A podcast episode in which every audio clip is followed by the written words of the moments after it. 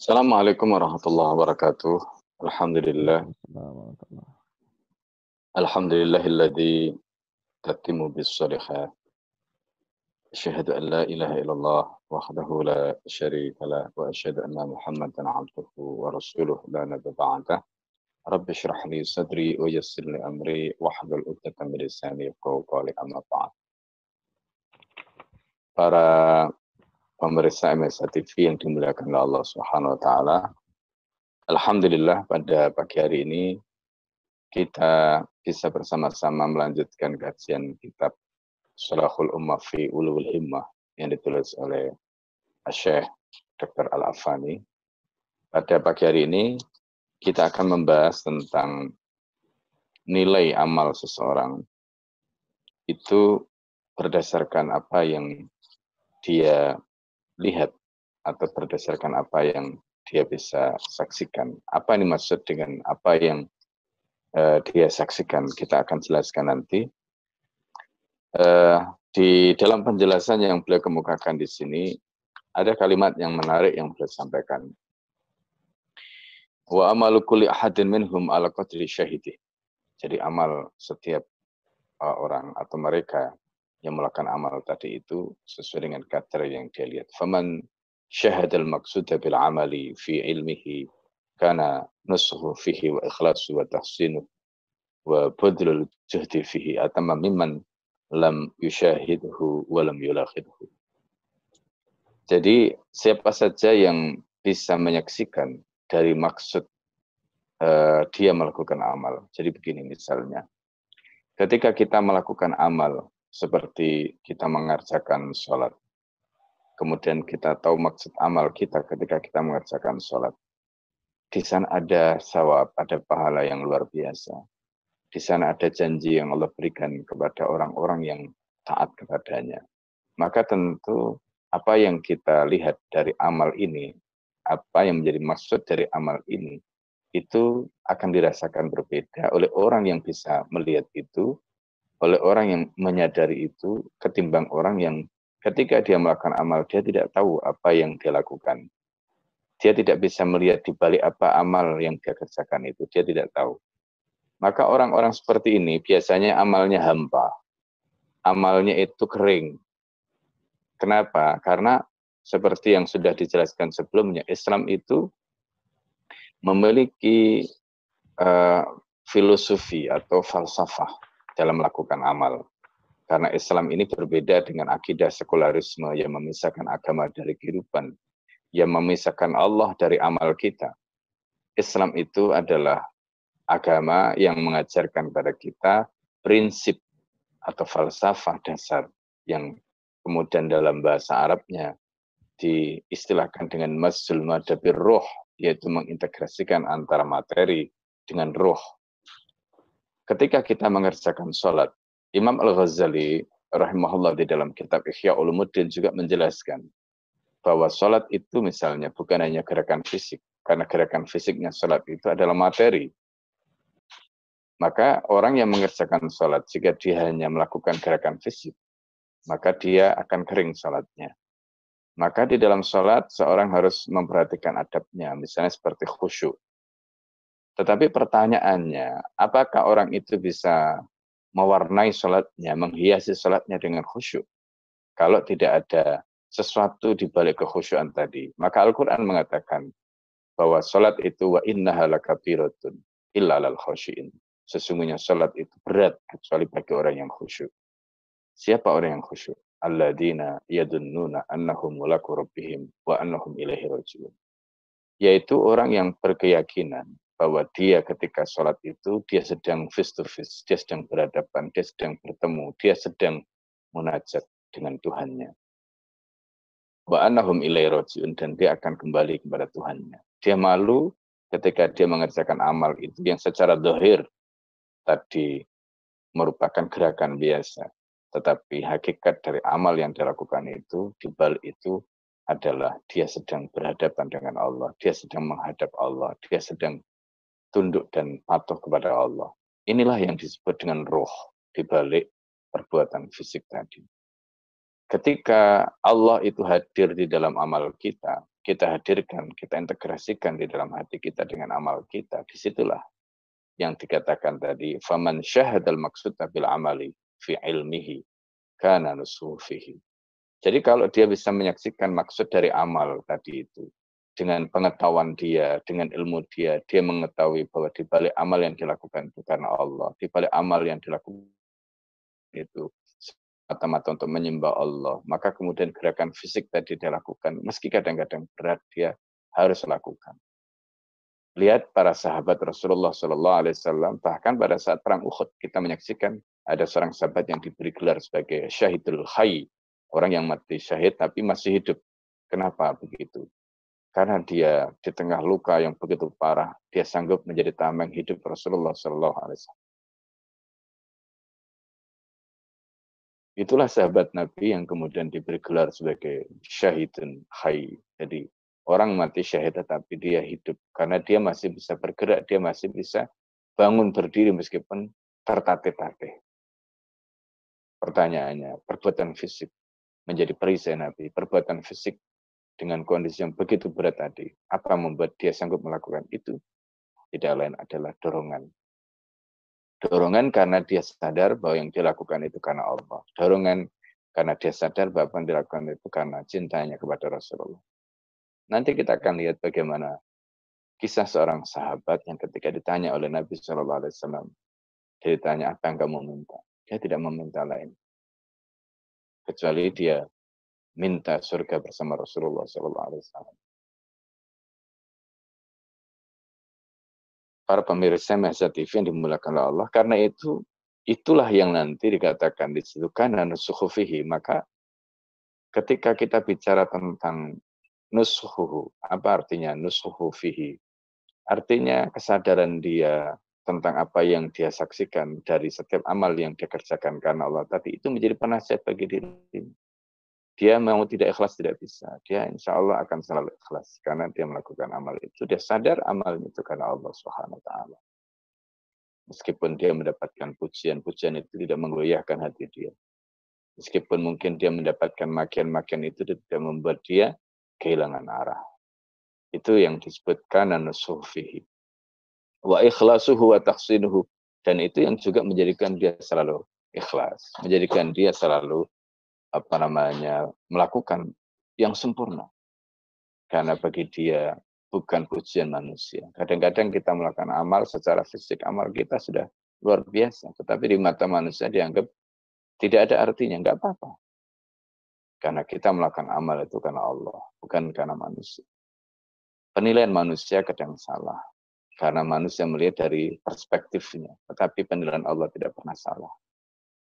Nah ini yang dimaksud bahwa itu yang dia saksikan dari amal tadi itu, maksud dari amal tadi itu, dengan ilmu yang dia pahami, dengan ilmu yang dia miliki tentang siapa yang beri tujuan dia melakukan amal tadi, itulah yang senantiasa menjaga komitmen amal dia, selalu menjaga keistiqomahannya, selalu menjaga hatinya, meluruskan niatnya, keikhlasannya.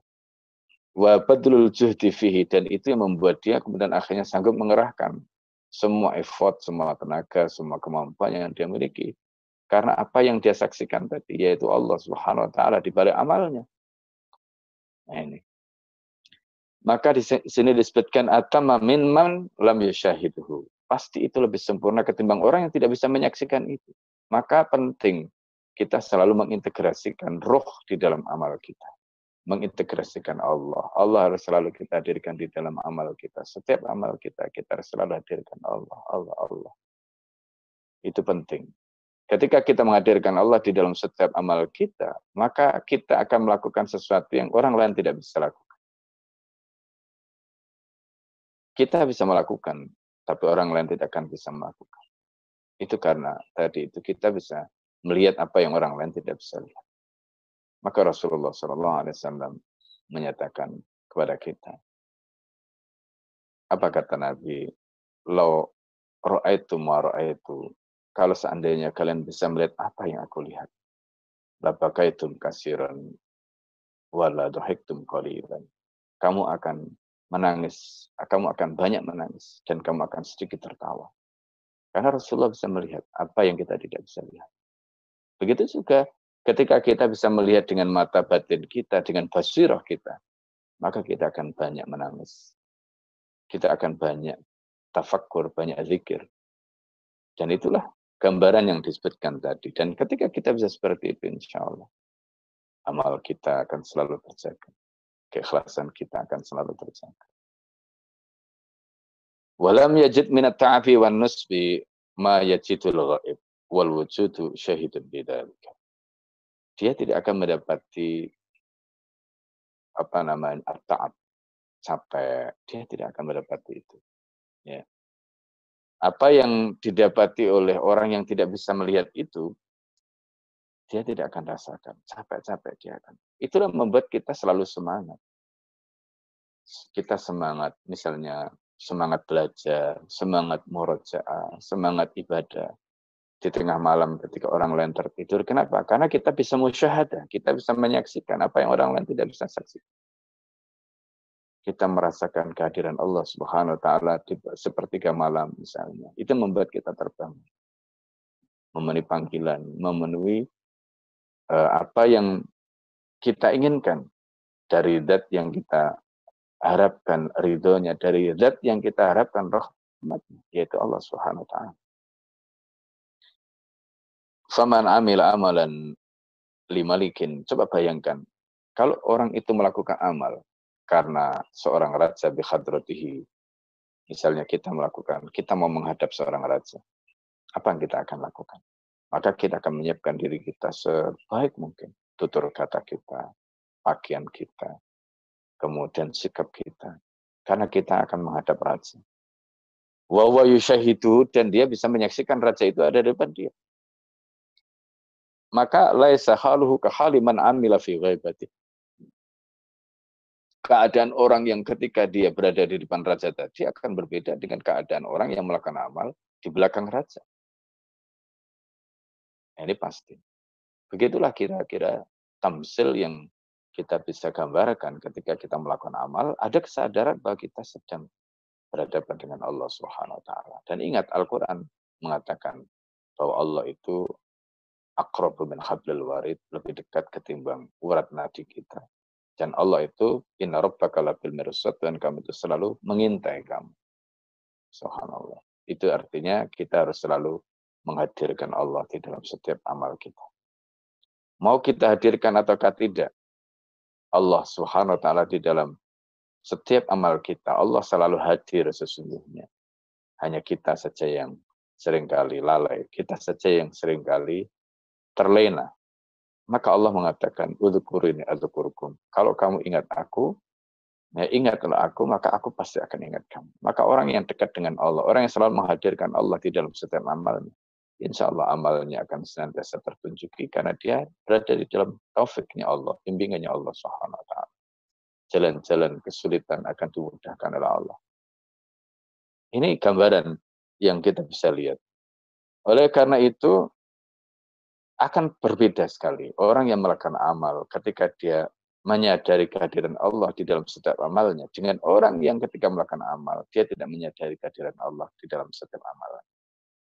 Meskipun mungkin ada yang namanya pengawasan ini macam-macam akan berbeda. Itulah mengapa seorang perempuan anak dari wanita pemerah susu ketika dia diajak ibunya untuk mencampur susu kambingnya dengan santan. Kemudian dia mengatakan, Aina Allah, di mana Allah? Kata anak itu, dia katakan kepada ibunya. Kemudian ibunya mengatakan, enggak apa-apa. Amir mukminin tidak melihat. Amir mukminin tidak tahu apa kita lakukan. Tapi anak itu kekeh mengatakan, Aina Allah, di mana Allah? Di mana Allah dengan amal kita? Ketika itu Amir Mukminin sedang patroli dan dia mendengarkan dialog anak kecil, anak perempuan itu dengan ibu dialog itu yang membuat Umar kemudian terpesona dengan kepribadian wanita itu. Dan akhirnya dia diambil menantu dan dinikahkanlah dengan Asim. Dan dari situlah maka kemudian lahir keturunannya Umar bin Abdul Aziz. Para pemirsa Masa TV yang dimuliakan oleh Allah. Inilah gambaran yang kita bisa pahami bagaimana ketika kita memiliki musyahadah di dalam setiap amal kita.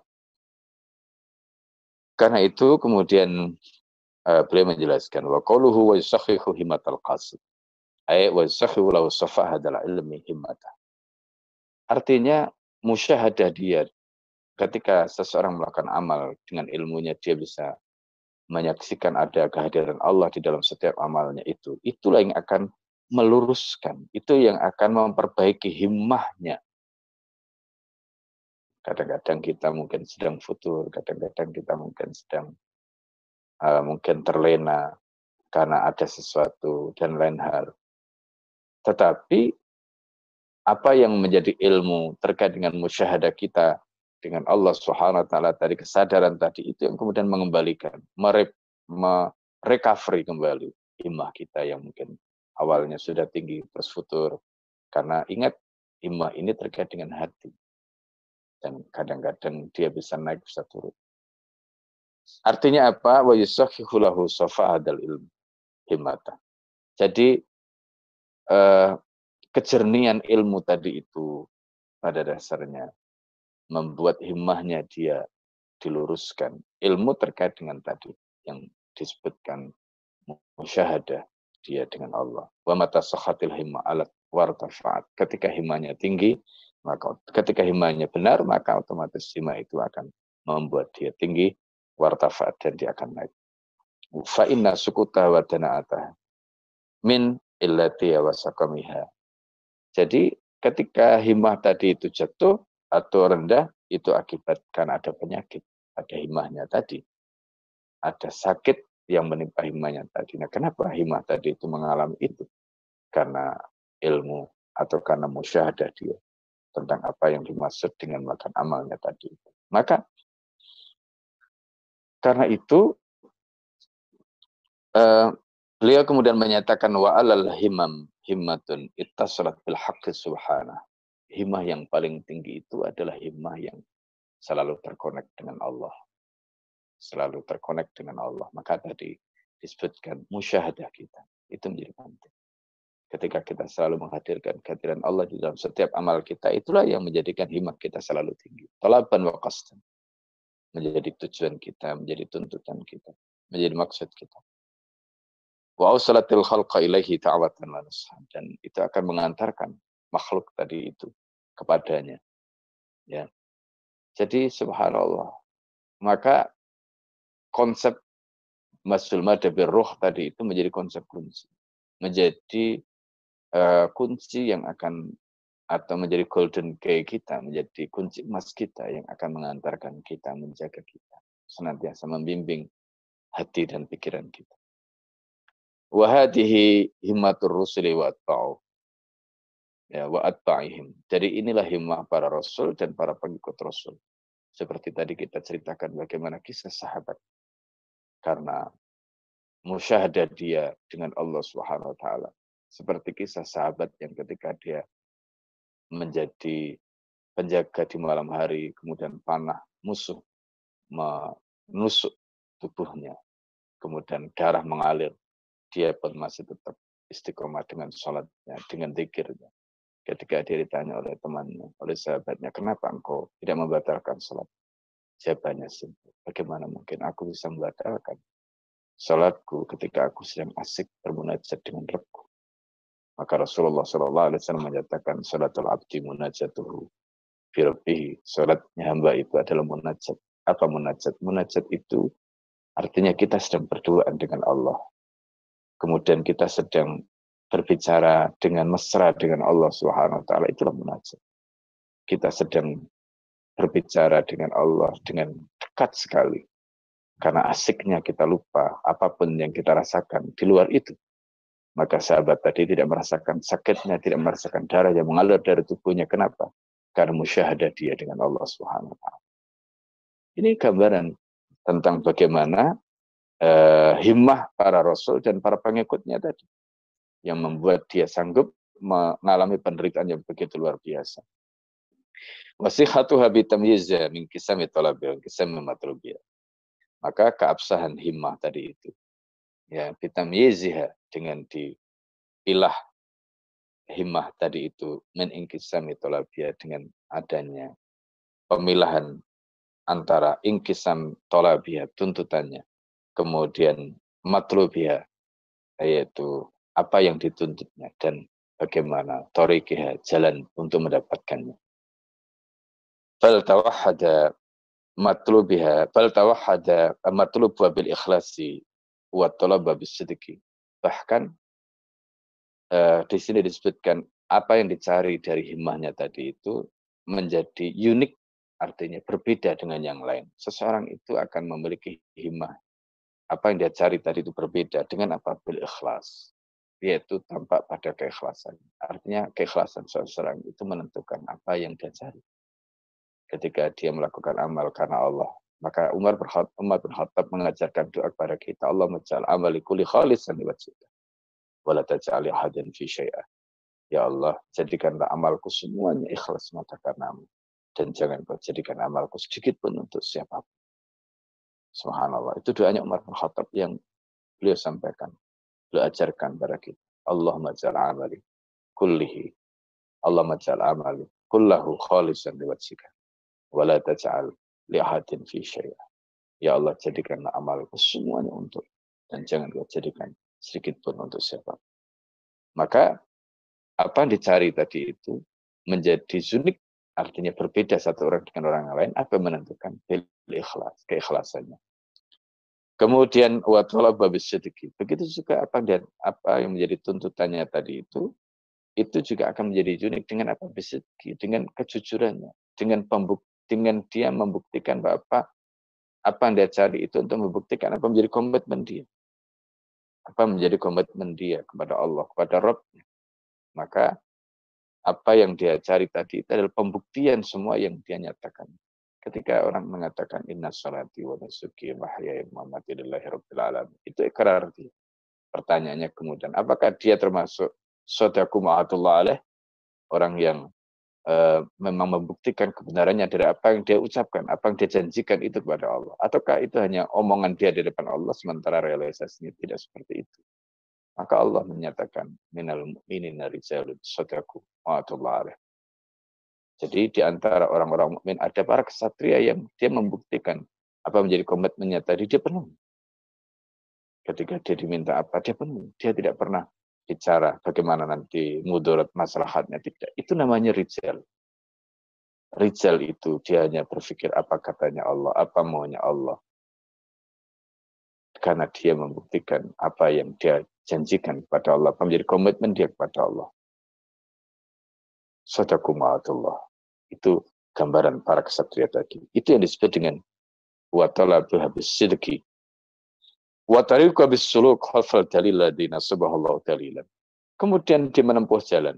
Jalan yang berada di balik dalil-dalil yang telah dinyatakan, ditegakkan oleh Allah sebagai dalil. Maka dia meniti jalan itu. Ketika dia meniti jalan, jalan yang dinyatakan oleh Allah, meskipun jalan itu penuh onak dan duri, dia tidak peduli. Maka ketika seseorang itu berpikir tentang hukum, dia hanya akan melihat bagaimana hukum ini menurut Allah halal haram, boleh tidak boleh. Itu yang menjadi mikyas selamal dia. Tidak ada ketika dia berbicara tentang hukum halal haram, dia kemudian bicara maslahat mudarat. Tidak ada. Karena itu akan mengacaukan keyakinan dia. Ketika dia mengetahui bahwa ini hukumnya wajib, dia laksanakan kewajiban itu karena itulah perintah Allah. Wa ma'atakumur rasulu fakhuduhu wa anhu fantah. Maka nali mu'minin wala mu'minatin idha qadallahu rasuluh ayyakun alamul khairatu min amrihi. Dia tidak punya pilihan. Pilihannya cuma Allah katakan begini, dia kerjakan begini. Allah larang dia begini, dia tinggalkan seperti ini. Itu saja. Bukan karena pertimbangan, oh nanti kalau kita begini, dia nanti mudorot. Oh nanti kalau begini, ini kita akan mendapatkan masalah. Tidak. Itu bukan pertimbangan hukum yang Allah subhanahu ta'ala tetapkan. Karena itu ketika kita bicara soal hukum, lihatlah pertama kali dalilnya, lihatlah pertama kali apa yang Allah Subhanahu wa taala tegakkan begitu. Karena kemaslahatan itu sering kali menipu ketika dia kita jadikan sebagai argumen. Kadang apa yang dipandang oleh seseorang maslahat belum tentu oleh orang lain maslahat. Kadang-kadang apa kita lihat dari ini masalah belum tentu bisa maslahat. Tetapi apa yang Allah Subhanahu wa taala tegakkan dalil-dalil yang Allah Subhanahu wa taala sampaikan tadi, kemudian itu kita pegang teguh, kita tidak akan pernah salah, kita tidak akan pernah keliru. Nah, itulah gambaran. Maka la man nasabahu wa dalilan nafsi bukan dalil yang dibangun dia sendiri karena mengikuti hawa nafsunya, karena mengikuti kemauan temannya, karena mengikuti masyarakatnya, karena mengikuti tuntutan katakanlah keadaan dan seterusnya.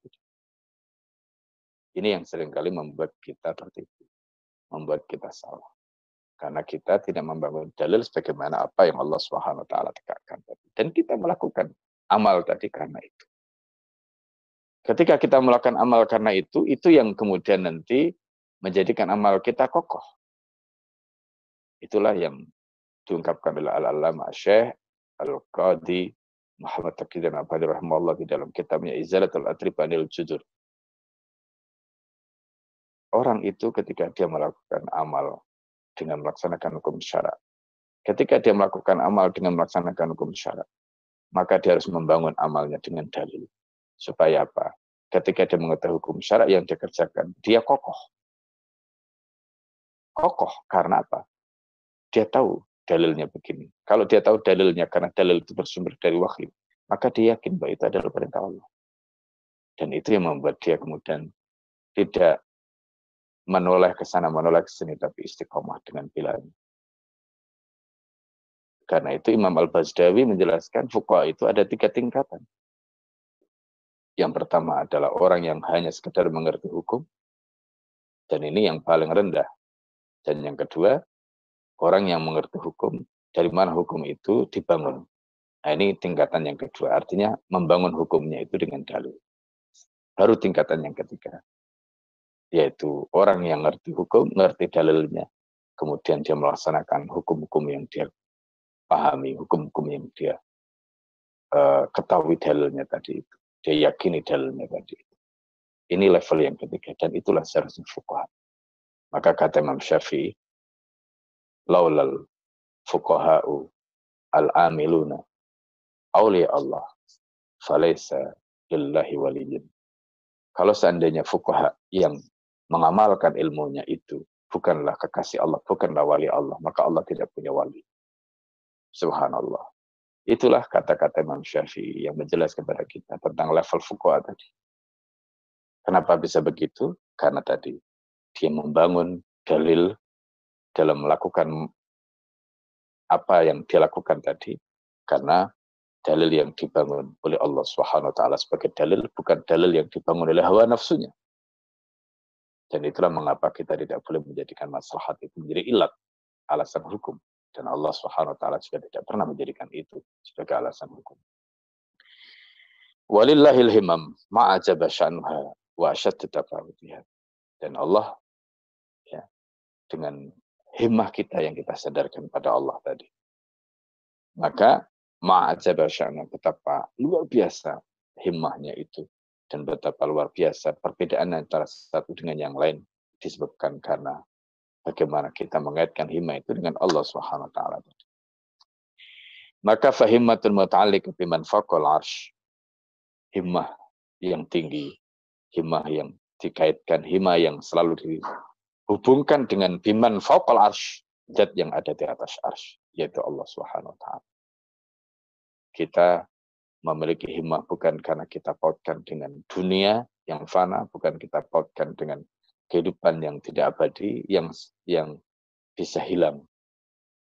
Bahkan kata Al-Ghazali, al-alam mutaghayyirun fallahul baq. Alam itu dunia itu pasti akan berubah. Apa yang bergantung pada dunia pasti akan berubah. Fallahul baq dan Allah itu abadi. Allah tidak berubah. Apa yang digantungkan, apa yang disandarkan pada Allah pasti tidak akan berubah. Itulah himmah aliyah, himmah yang tinggi tadi. Maka wahimatun haimatun khalal i'timan. Maka hima itu akan berputar di situ, akan mengitar itu. Akan mengikuti itu. Ke mana kita sandarkan, ke mana kita tautkan. Misalnya contoh, wal amatu takulu. Orang awam akan mengatakan, kimatu kulimri'in ma yuhsinu. Nilai seseorang itu terletak pada apa yang istilahnya mayuhsinu, apa yang uh, dia lakukan dengan baik tadi. Orang misalnya melakukan amal tanpa dengan amalnya itu orang itu kita sebut orang baik. Itu orang awam mengatakan begitu. Wa amal khoswatu adapun orang yang spesial takulu kimatul ma'rimayat lubuh.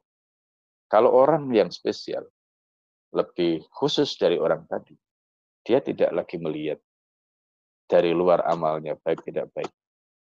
Tapi dia melihat dari apa yang dia cari. Boleh jadi orang yang melakukan amal yang kelihatan baik tadi. Misalnya contoh, ada orang yang dermawan, belum tentu dermawan yang baik itu dia lakukan karena Allah taala. Maka orang yang melakukan amal karena Allah dan sama-sama dermawan itu berbeda nilainya. Dengan orang yang melakukan amal baik tadi, yaitu orang dermawan tadi yang bukan karena Allah, pasti akan berbeda. Maka di situ disebutkan bagi orang yang spesial dari kimatul mar'i Kalau dia melakukan sesuatu karena Allah dan itulah nilai dia maka dia lebih tinggi daripada orang yang pertama tadi. Dan yang lebih hebat lagi wa khassatul khassa takulu himmatul mar'i ila. Maka ketika uh, seseorang itu kalau tadi itu nilainya itu karena itu maka sekarang himmahnya orang yang uh, di atas khosoh, khosatul khosoh, orang yang super spesial tadi itu himmahnya itu adalah artinya apa yang menjadi idealisme dia itu itu adalah mayatul min mat ila matlubi kimatul mar'i ila himatul mar'i ila matlubi apa yang dia cari ya, yang dia cari itu adalah ridhonya Allah yang dia cari itu adalah Allah yang dia cari itu adalah laddah an-nadri ila wajillah kenikmatan untuk melihat wajahnya Allah itu yang dia cari ketika itu yang dia cari maka itu menjadi himmah dia maka dia tidak peduli amalnya dia tadi itu dianggap orang baik atau tidak. Dia tidak peduli amalnya dinilai orang seperti apa. Yang penting Allah ridho, yang penting Allah, Allah, Allah itulah yang ada dalam himmah dia. Dan inilah gambaran bagi orang-orang yang memiliki himmah yang luar biasa tadi. Tadi saya sebutkan ya bagaimana uh, level himmah tadi itu wa idza aradta an ta'rifa maratibal himam fandur ila himmati Rabi'ah ibni Ka'ab al-Aslami radhiyallahu anhu. Kalau Anda ingin tahu bagaimana level himmah itu, coba lihatlah kepada himmahnya Rabi'ah bin Ka'ab al-Aslami. Siapa Rabi'ah bin Ka'ab al-Aslami radhiyallahu anhu, seorang sahabat Nabi. Waqad qala lahu Rasulullah sallallahu alaihi wasallam suatu ketika Rasulullah bersabda kepadanya, bertanya kepadanya, "Salni, wahai Ka'ab bin wahai Rabi'ah bin Ka'ab al-Aslami, mintalah ya mintalah kepadaku maksudnya uh, kamu aku mau mintakan apa? Kamu aku mau apa namanya uh, apa yang kamu inginkan dariku? Kira-kira begitu. Apa yang kamu minta mintalah kepadaku Fakola maka kemudian Robi bin Kabal Salami mengatakan as'aluka aku minta kepadamu fatika fil jannah aku menyertaimu di surga ya Rasulullah coba Orang lain minta ini, minta itu, minta ini. Dia dia tidak minta minta dunia, dia tidak minta yang lain. Dia minta menemani, membersamai Nabi di dalam surga. Kenapa itu menjadi penting? Sahabat lain suatu ketika ketika Rasulullah Shallallahu Alaihi Wasallam mengatakan kepada misalnya ada seorang sahabat seperti Muad bin Jabal. Ketika itu Muad bin Jabal diutus oleh Rasulullah Shallallahu Alaihi Wasallam ke Yaman dan itu terjadi pada akhir uh, kehidupan Rasulullah SAW. Ketika itu Rasulullah mengatakan, Ya Mu'ad, la'allaka lam tarani, aw la'allaka la tarani, fisan al-qatimah. Boleh jadi kamu tidak akan lagi melihat aku pada tahun yang akan datang. Maka Mu'ad bin Jabal menangis ketika itu. Karena dia membayangkan itu adalah pertemuan terakhir dengan Rasulullah SAW. Mu'ad yang ketika itu sudah di atas punggung kuda. Akhirnya tidak sanggup untuk duduk dengan tegak. Seolah-olah seperti tidak runtuh dunia ini, langit ini. Karena ungkapan Rasulullah SAW. Ungkapan seolah-olah bahwa itu adalah pertemuan terakhir perpisahan dengan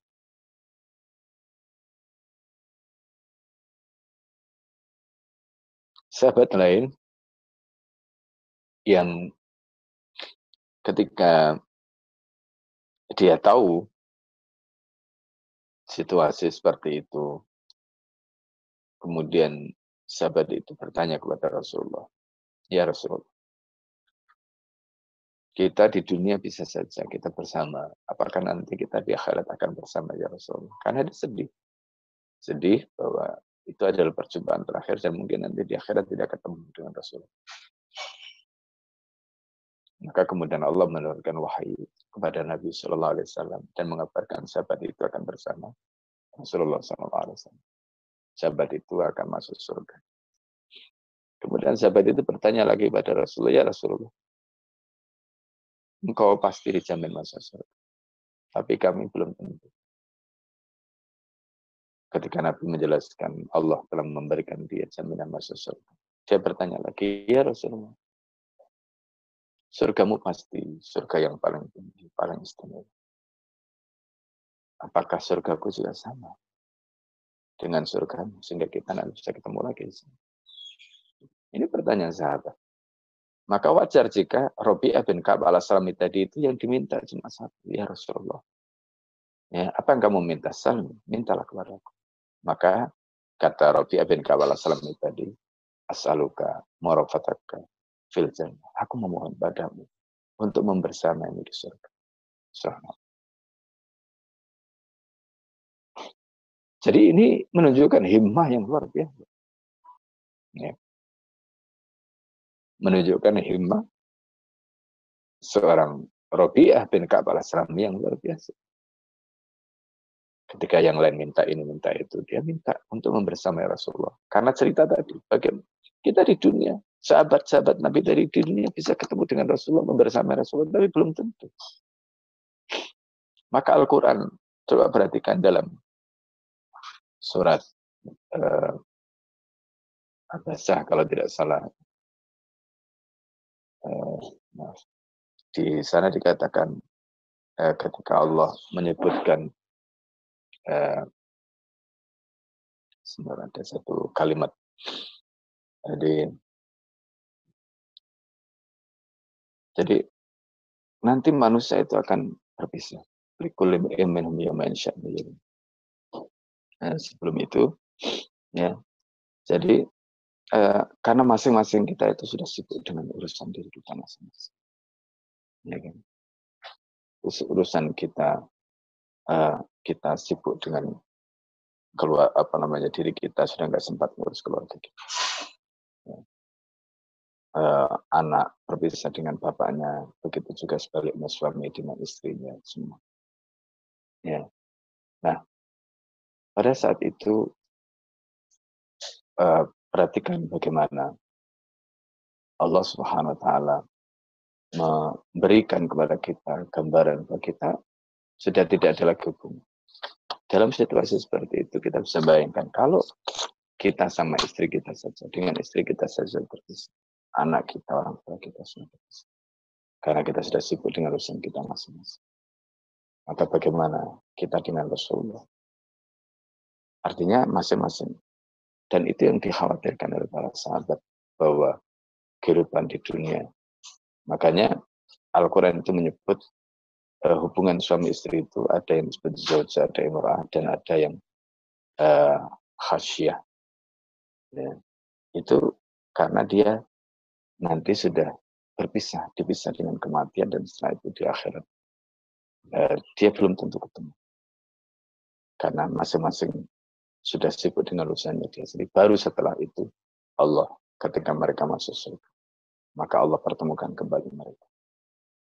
Jadi inilah gambaran yang dikhawatirkan para sahabat tadi sehingga mereka minta kepada Rasulullah SAW, as'aluka murafataka fil. Aku memohon kepadamu agar aku bisa membersamaimu di dalam surga. Subhanallah. Para pemirsa yang dimulakan Allah Subhanahu wa taala, inilah gambaran tentang bagaimana himmah sahabat Nabi Rabi bin Ka'ab al-Aslami tadi. Nah, oleh karena itu kalau kita perhatikan ya coba perhatikan bagaimana himmah Rasulullah sallallahu alaihi wasallam Wandur ila himmati Rasulullah sallallahu alaihi wasallam. Hina uridat alaihi mafatih kunuzil ardi. Fa'ataha. Perhatikan bagaimana Rasulullah ketika Rasulullah mendapatkan tawaran. Kunci-kunci perbendaharaan bumi itu akan diberikan kepada Rasulullah. Kalau Rasulullah itu himmahnya bukan himmah yang alia, bukan himmah yang tinggi, maka pasti itu akan diterima. Tetapi karena Rasulullah SAW himmahnya tinggi, maka fa'abah Rasulullah mengabaikan itu. Wa makluman annahu la akhadaha.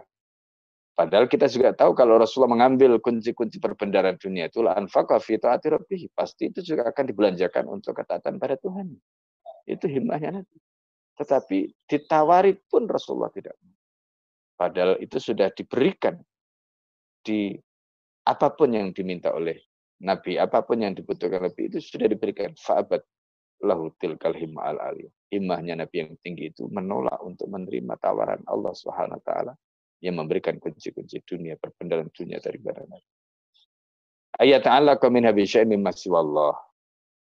Tidak tidak ingin ada sesuatu yang mengikat hatinya kecuali Allah Subhanahu wa taala. Subhanallah. Dunia di dalam genggaman, tapi Rasulullah tidak mau mengambil itu semua tidak ada dalam hatinya karena Rasul tidak ingin mengisi hatinya dengan yang lain kecuali Allah Subhanahu wa taala. Itulah gambaran hima Rasulullah SAW. Begitu juga wa uridu alaihi tasarrufa fil mulki. Rasulullah ditawari kekuasaan. Siapa yang menawari kekuasaan? Orang-orang Mekah. Fa'abah. Itu pun ditolak. Jadi subhanallah, inilah gambaran tentang himmah. Inilah gambaran tentang tentang himmah yang luar biasa, himmah yang dimiliki oleh para nabi dan juga para pengikutnya Rasulullah Shallallahu Alaihi Wasallam tadi. Saya kira itu yang saya bisa sampaikan. Uh, semoga apa yang tadi disampaikan menjadi ilmu yang bermanfaat dan semoga kita semuanya sama-sama terjaga. Kuncinya satu seperti yang tadi sudah sampaikan di awal, amal yang kita lakukan ilmu syahadah karena kita menyaksikan bisa melihat apa yang kita tuju, apa yang kita maksudkan. Itu membuat kita bisa istiqomah.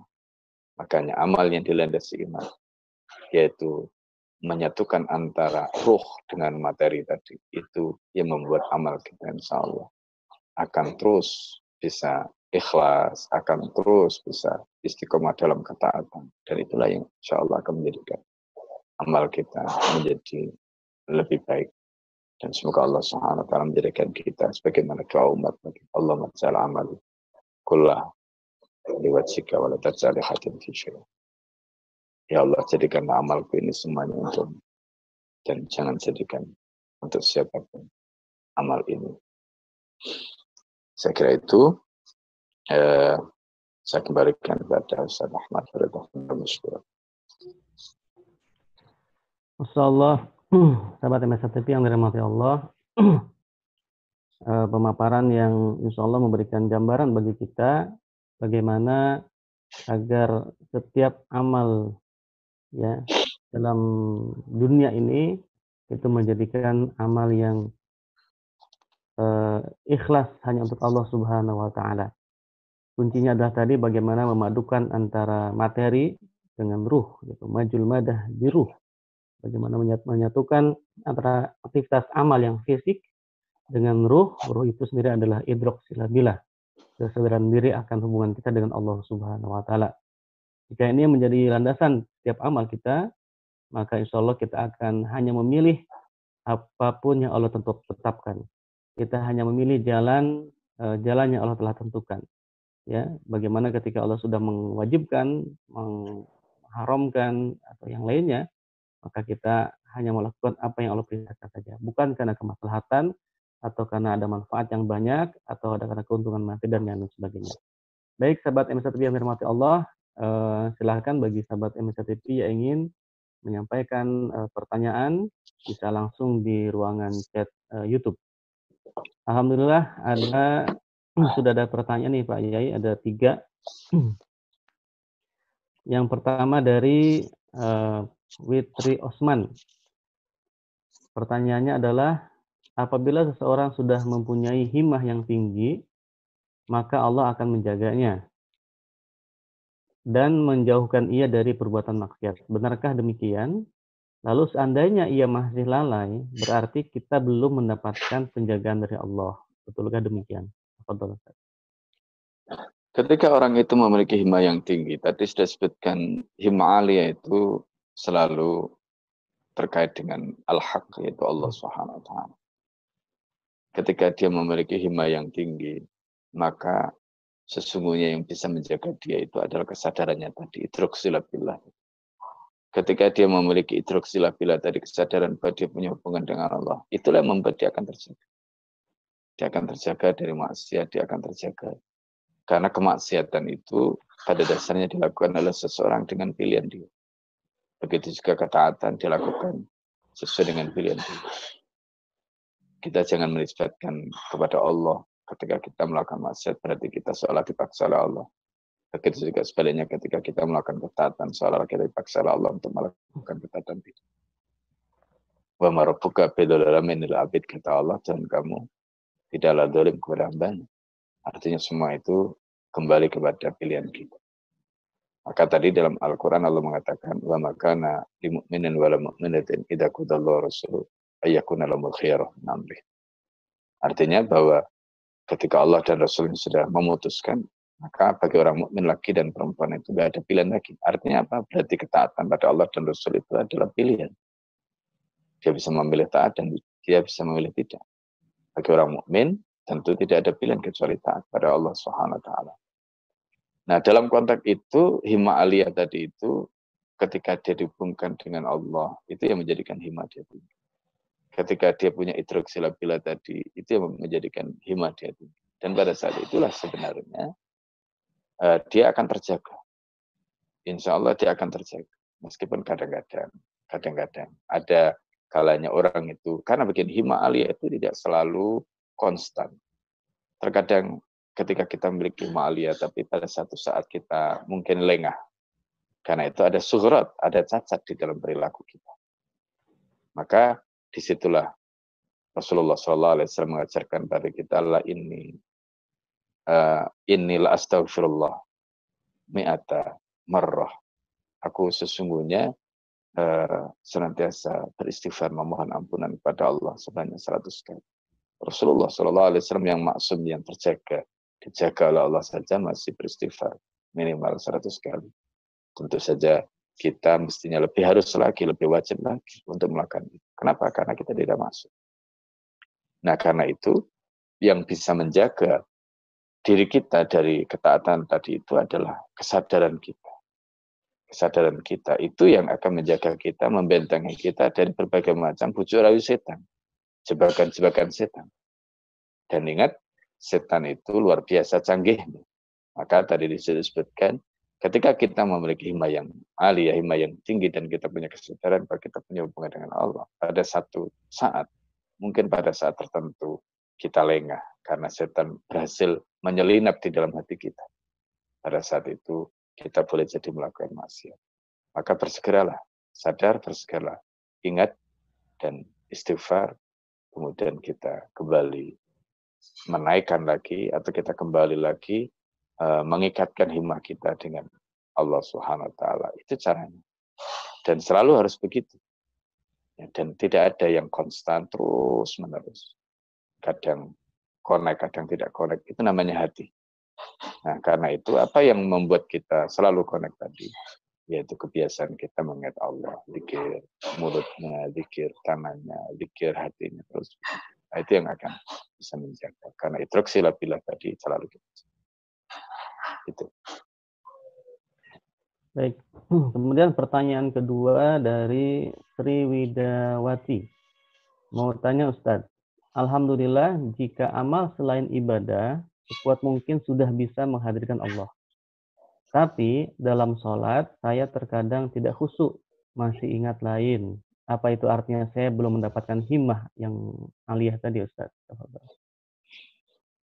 Uh, iya, itu soal khusyuk ya, soal khusyuk memang tadi ya, karena uh, terkait dengan kesadaran yaitu seperti disebutkan dalam Al-Qur'an tadi alladzina yadulluna annahum walaku rabbihim wa annahum ilaihi rajiun. Ya. Nah, ketika eh, kita kesadarannya tadi itu eh, istilahnya itu penuh. Ya, makanya Rasulullah sendiri mengatakan begitu di dalam salat itu. Laisa lil abdi min salatihi la tusuha. Jadi manusia itu tidak mendapatkan dari salatnya itu hanya sepersembilan saja. Kemudian dinaikkan lagi. Au sumunuha seperdelapan. Naik lagi. Au uh, subuhuha atau sepertujuhnya. Au sudusuha seperenamnya. Au humusuha seperlimanya. Au rubu'uha seperempatnya. Au sulusuha. Mentok au nisuha. Kata Rasulullah. Artinya apa? Uh, kita itu di dalam sholat bisa konsentrasi separuhnya saja. Nisfuha itu sudah luar biasa.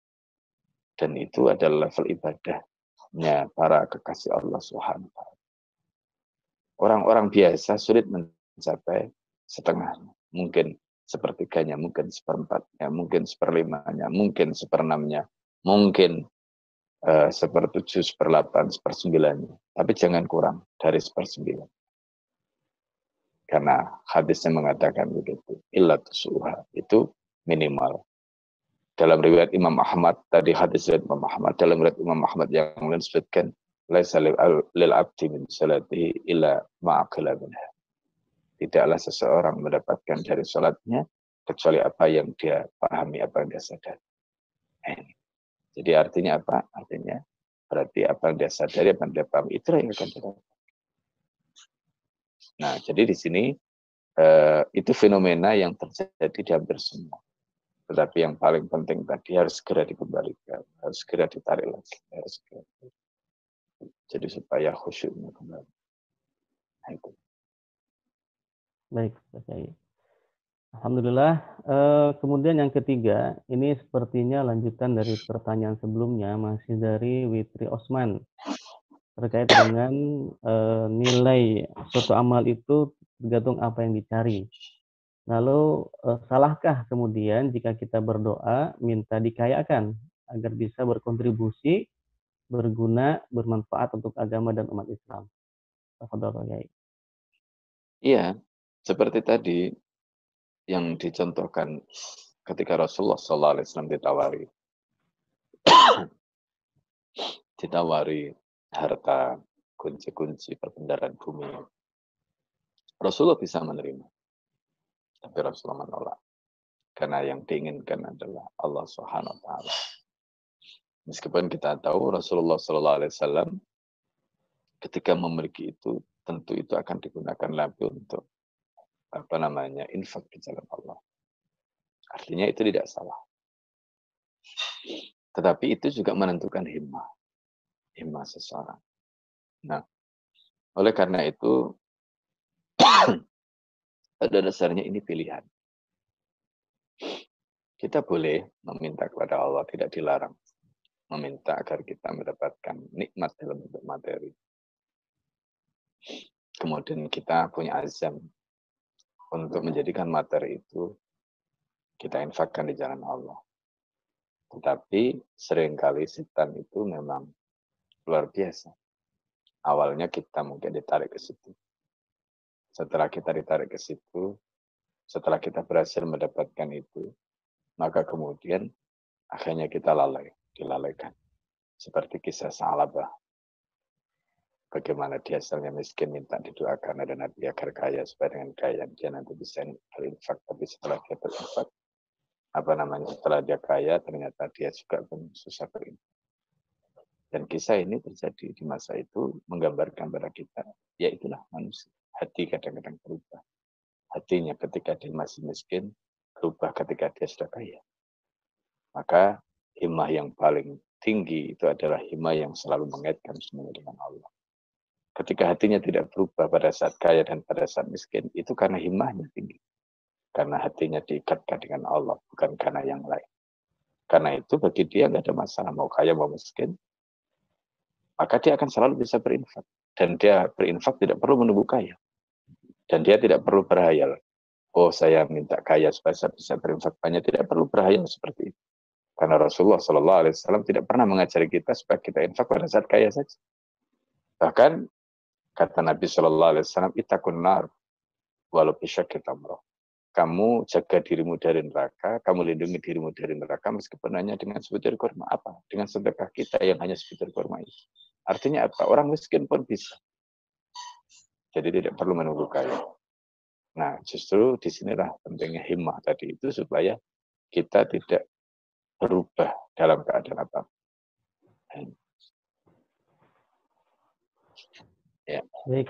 Uh, demikian jawaban Pak Kiai uh, luar biasa Insya Allah ini akan menjadi uh, apa namanya uh, panduan kita dalam beramal. Terakhir Pak Kiai, apakah diperkenankan ada satu lagi ini? Ya, silakan. Baik, dari Ibu Heti Dwi Murwani. Ustadz mohon penjelasan terkait dengan uh, penggabungan antara materi dan ruh itu maksudnya apa? Apa Pak Kiai? Mungkin ya, maksud, maksudnya amal itu materi, fisik. Misalnya kita ngaji seperti ini, ini kan duduk itu fisik. Kita sholat, berdiri, ruku, sujud, itu fisik. Maka perbuatan fisik seperti ini, itu ya fisik. Dan dia baru akan memiliki nilai roh tadi itu ketika perbuatan fisik tadi itu uh, dilandasi oleh kesadaran bahwa kita punya hubungan dengan Allah, kita melakukan itu karena Allah, kita melakukan itu karena kita mencari ridha Allah. Itu namanya perbuatan materi tadi kita integrasikan dengan roh, dengan uh, apa namanya yang non fisik tadi.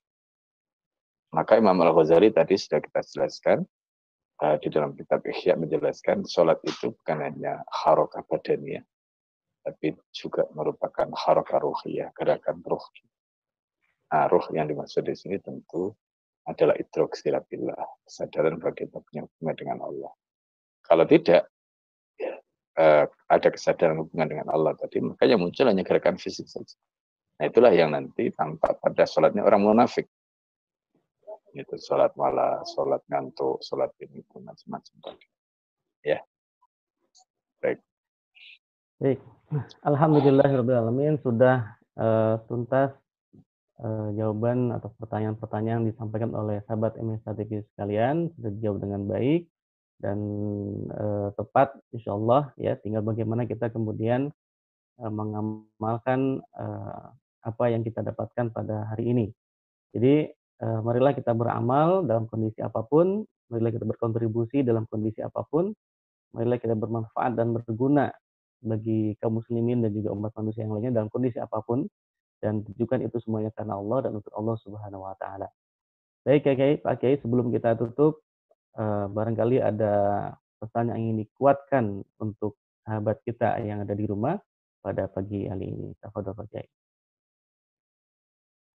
Ya. Jadi intinya amal kita itu kuat dan tidaknya. Kemudian ikhlas dan tidaknya istiqomah dan tidaknya. Pada akhirnya tadi dalam konteks pembahasan kita pada bagian ini ditentukan oleh musyahadah kita. Ada maksud yang uh, kita lakukan ketika kita melakukan amal dengan tujuan untuk mendapatkan ridha Allah semakin kuat bayangan kita semakin kuat kesadaran kita tentang ridhonya Allah maka semakin kuat ikhlasan kita semakin kuat istiqomah kita semakin kuat amal kita dalam melakukan perbuatan tadi. Beda dengan orang yang musyahadanya lemah. Itulah maka iman kepada hari kiamat bahwa al jannatu hakun wa naru hakun itu berpengaruh sekali terhadap amal kita.